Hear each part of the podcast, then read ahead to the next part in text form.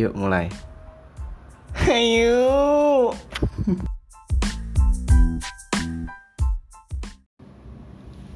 Assalamualaikum warahmatullahi wabarakatuh. Shalom, Om Swastiastu, Namo Buddhaya. Salam kebajikan bagi kita semua. Selamat pagi, selamat siang, selamat sore, maupun selamat malam bagi semua para pemerhati hukum, khususnya hukum humaniter internasional. Nah, teman-teman, berhubung ini adalah podcast pertama saya, alangkah lebih baiknya, alangkah lebih eloknya, karena kan ada pepatah, tak kenal maka tak sayang, begitu kan? Nah, izinkan saya untuk memperkenalkan diri saya sendiri. Perkenalkan, nama saya Muhammad Fauzan, nomor induk mahasiswa saya satu satu satu satu satu tujuh kosong tiga empat lima. Alhamdulillah saya sedang mengikuti studi di Universitas Sultan Ageng Tirtayasa. Jurusan saya ilmu hukum. Dan saya masih semester 5. Alhamdulillah. Kayaknya enak nih. Podcast pertama kali diisi sama ilmu tentang hukum. Nah, kali ini saya akan ngebahas tentang hukum humaniter internasional. Apa sih hukum humaniter internasional? Kan pasti ada juga tuh yang belum tahu tentang hukum humaniter internasional. Karena kan ini memakai kata internasional yang berarti kan lintas negara. Jadi berbicara tentang negara satu dengan negara lainnya. Berbicara tentang keterkaitan antara negara satu dengan negara lainnya. Nah, saya mengutip pengertian hukum humaniter menurut Mukhtar Kusuma Atmaja. Menurut beliau, hukum humaniter adalah bagian hukum yang mengatur ketentuan-ketentuan perlindungan korban perang. Berlainan dengan hukum perang yang mengatur perang itu sendiri dan segala sesuatu yang menyangkut cara melakukan perang itu sendiri. Jadi menurut beliau hukum humaniter itu sebuah perangkat atau sebuah peraturan yang mengatur tentang bagaimana cara kita untuk bersikap untuk bertindak terhadap korban perang. Nah, berbicara korban berarti kan sebelumnya ada kejadian perang bisa kita tarik kesimpulan lagi. Berarti hukum humaniter juga mengatur tentang bagaimana cara negara satu dengan negara lainnya berperang dengan baik. Maksudnya dengan baik adalah meninggikan norma-norma yang ada, norma-norma yang berlaku. Menjadikan norma-norma sebagai tonggak penting dalam berperang. Begitu. Sebelumnya saya sudah nonton video yang ada di YouTube tentang hukum humaniter internasional berjudul What If We Nuke City. Itu ada di akun YouTube yang bernama Kurs Kezak in a Nutshell. Wah susah lah namanya. Tapi itu syarat akan pendidikan tentang hukum humaniter internasional. Nah, dalam video tersebut menjelaskan tentang nuklir yang mana senjata tersebut biasanya digunakan dalam hal peperangan. Di samping itu, video tersebut menjelaskan bagaimana sih nuklir ini ketika menghantam lingkungan, bagaimana dampak terhadap lingkungannya, bagaimana dampak bagi masyarakat yang terkena nuklir maupun yang masih masuk dalam radius efek nuklirnya dan bagaimana ya reaksi nuklir itu sendiri jika menghantam bumi. Nah, video tersebut menjelaskan beberapa fase bekerjanya nuklir. Ada beberapa fase lah di video tersebut. Mari kita kulik semuanya. Fase pertama menjelaskan bahwa ledakan bom nuklir akan berlangsung sekitar 1 milidetik setelah bom meledak menghantam bumi. Bola api raksasa yang sangat amat panas akan menyebar di langit, diikuti dengan kilatan cahaya yang sangat terang, sehingga efek dari cahaya tersebut untuk sementara waktu bisa membutakan siapa pun yang melihat ke arahnya. Siapa pun yang berada dalam radius bola api tersebut akan menguap tanda kutip. Lampu kilat akan melepaskan denyut energi yang membakar segalanya yang ada pada jalur bom nuklir tersebut. Nah, ICRC memperkirakan bahwa apa pun dalam jarak kurang lebih 500 km dari ledakan bom nuklir itu bisa saja terbakar dan lenyap. Bisa saja. Lanjut fase kedua. Fase kedua ini akan tiba beberapa detik kemudian. Terdiri dari gelombang besar yang dilepaskan dari getaran dalam lingkungan bom nuklir itu menghantam Gelombang kejut tersebut bisa menciptakan angin yang lebih kuat dari angin topan maupun angin tornado. Angin tersebut menyebabkan pohon-pohon patah seperti halnya tusuk gigi dan manusia terlempar seperti butiran debu dan bangunan ikut hancur.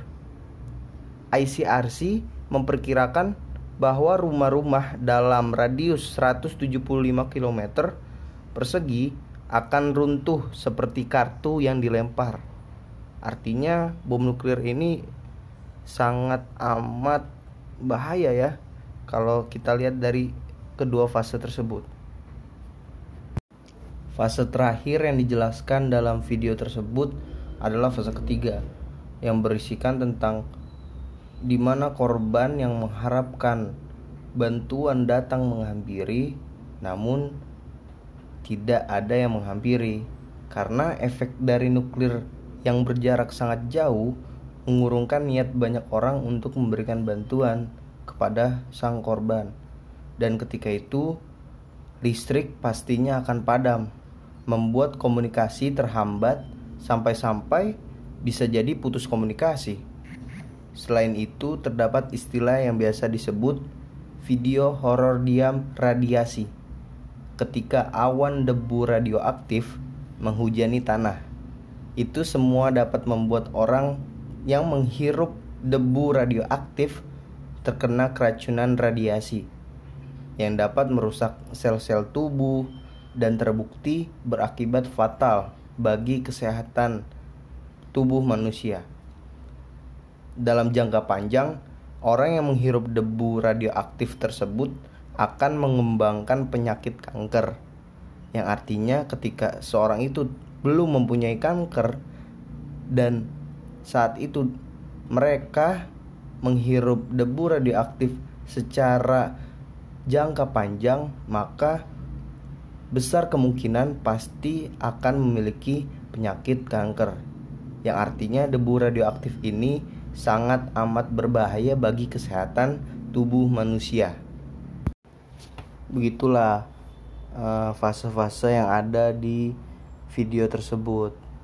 Namun di akhir video itu terdapat uh, seperti solusi atau anjuran bagi negara-negara yang masih memiliki senjata nuklir. Mereka menganjurkan dalam video tersebut ya uh, untuk tidak memakai senjata nuklir karena melihat dari uh, efek yang ditimbulkan oleh senjata nuklir tersebut banyak sekali yang mengakibatkan kerugian entah dari lingkungan, entah dari warga masyarakat maupun pihak-pihak yang terlibat dalam perang. Artinya, hukum humaniter mengatur mana saja orang yang berhak dan sah untuk diserang dan mana saja orang yang berhak dan sah untuk tidak diserang dalam perang. Artinya ketika kita atau negara memakai senjata nuklir untuk berperang tidak bisa menjamin mana saja orang-orang yang berhak untuk dilindungi itu aman gitu. Namun hukum humaniter internasional sendiri tidak secara eksplisit melarang penggunaan senjata nuklir. Tidak ada ketentuan satupun dalam empat konvensi Jenewa 1949 dan dua protokol protokol tambahan 1977. Nah, di dalam uh, semua peraturan sumber hukum huk, uh, humaniter internasional itu tidak mengatur ketentuan penggunaan senjata nuklir. Namun bukan berarti memiliki kekosongan hukum terhadap penggunaan senjata nuklir. Karena terdapat tiga prinsip, prinsip utama terkait alat dan tata cara berperang dalam hukum humaniter internasional yang berkaitan erat dengan penggunaan senjata nuklir dalam perang. Tiga prinsip tersebut adalah yang pertama prinsip pembedaan, yang kedua prinsip proporsional, dan yang ketiga adalah prinsip pembatas. Ketiga prinsip tersebut telah termaktub dalam protokol tambahan dua protokol tambahan 1977. Di sini saya akan ngejelasin uh, bagaimana senjata nuklir ini melanggar ketiga prinsip tersebut. Prinsip pembedaan. Senjata nuklir sudah sangat jelas bahwa pemakaian senjata nuklir sangat amat rawan atau sensitif ketika negara meluncurkan senjata nuklir kepada musuhnya maka warga masyarakat, tenaga medis, dan pihak-pihak yang secara sah tidak dapat diserang itu bisa saja terkena dampak dari senjata nuklir tersebut. Artinya, prinsip pembedaan di sini telah dilanggar oleh negara yang memakai senjata nuklir.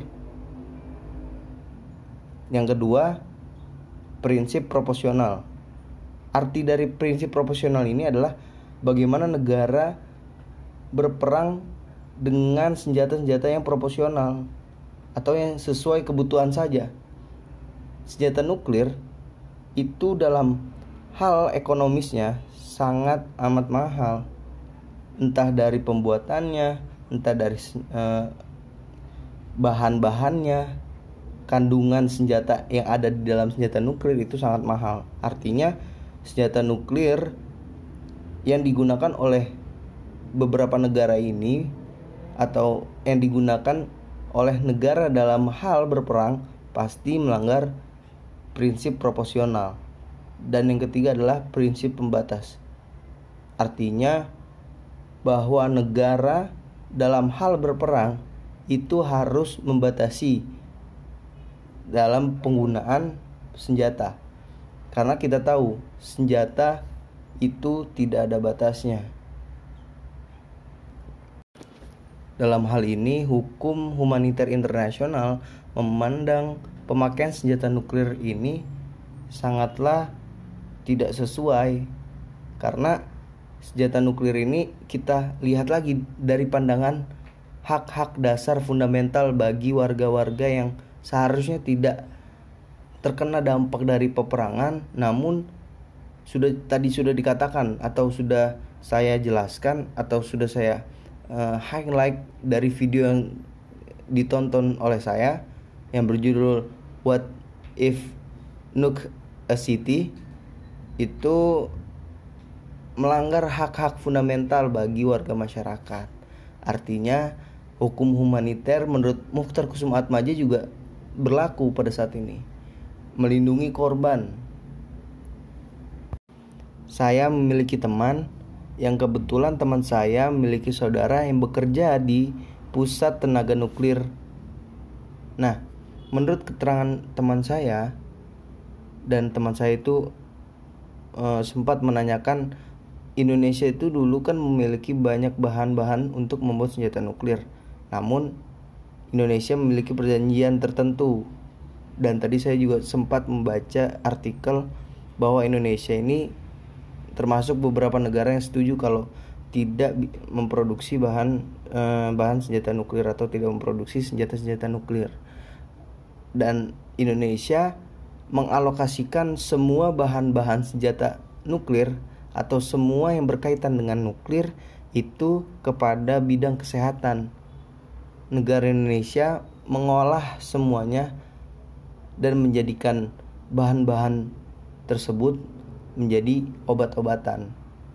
Artinya, ayolah sadar bahwa dampak dari senjata nuklir ini bukan perihal kemenangan, bukan perihal mendapatkan tujuan atau sesuatu kepentingan yang dicita-citakan dalam hal peperangan maupun dalam hal percobaan sekalipun percobaan senjata nuklir yang biasa dilakukan oleh suatu negara. Artinya lebih baik dialokasikan kepada hal-hal yang bermanfaat agar semuanya mendapatkan keuntungan dari senjata nuklir yang tadinya jika dipakai menjadi senjata berakibatkan kerugian dan dialokasikan menjadi obat-obatan yang mengakibatkan semua orang dapat mempergunakannya dengan sangat amat diuntungkan dari pemanfaatan senjata nuklir atau dari pemanfaatan bahan-bahan nuklir. Harapan terbesar dari saya selaku mahasiswa yuk mengajak kepada mahasiswa nih untuk mengkaji eh, bahan-bahan yang seharusnya merugikan menjadi hal-hal yang bermanfaat.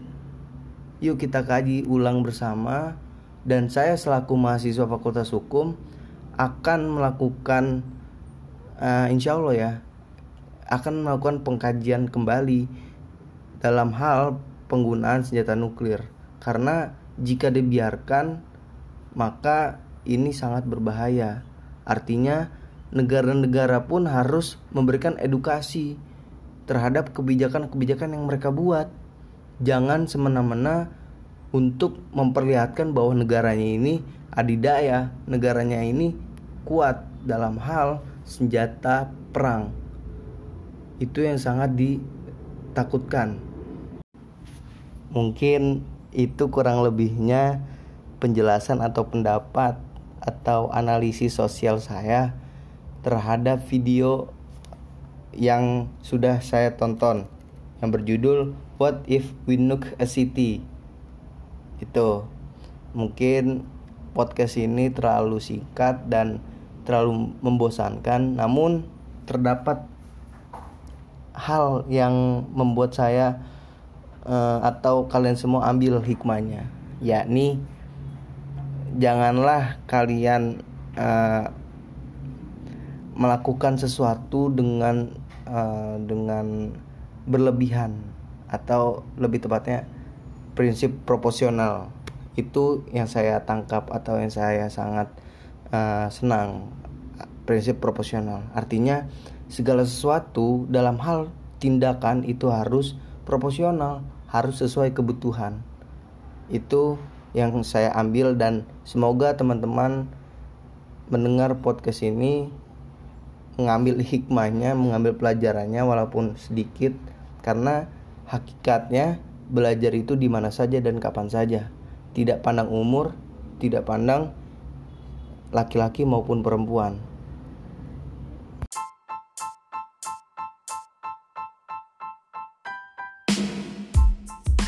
Cukup sekian dari saya. Tetap yakinkan dengan iman, usahakan dengan ilmu, sampaikan dengan amal, yakin usaha sampai. Nun wal kolami wa ma yasturun. Salam dari Gidau, tronjal tronjol maha asyik. Wassalamualaikum warahmatullahi wabarakatuh.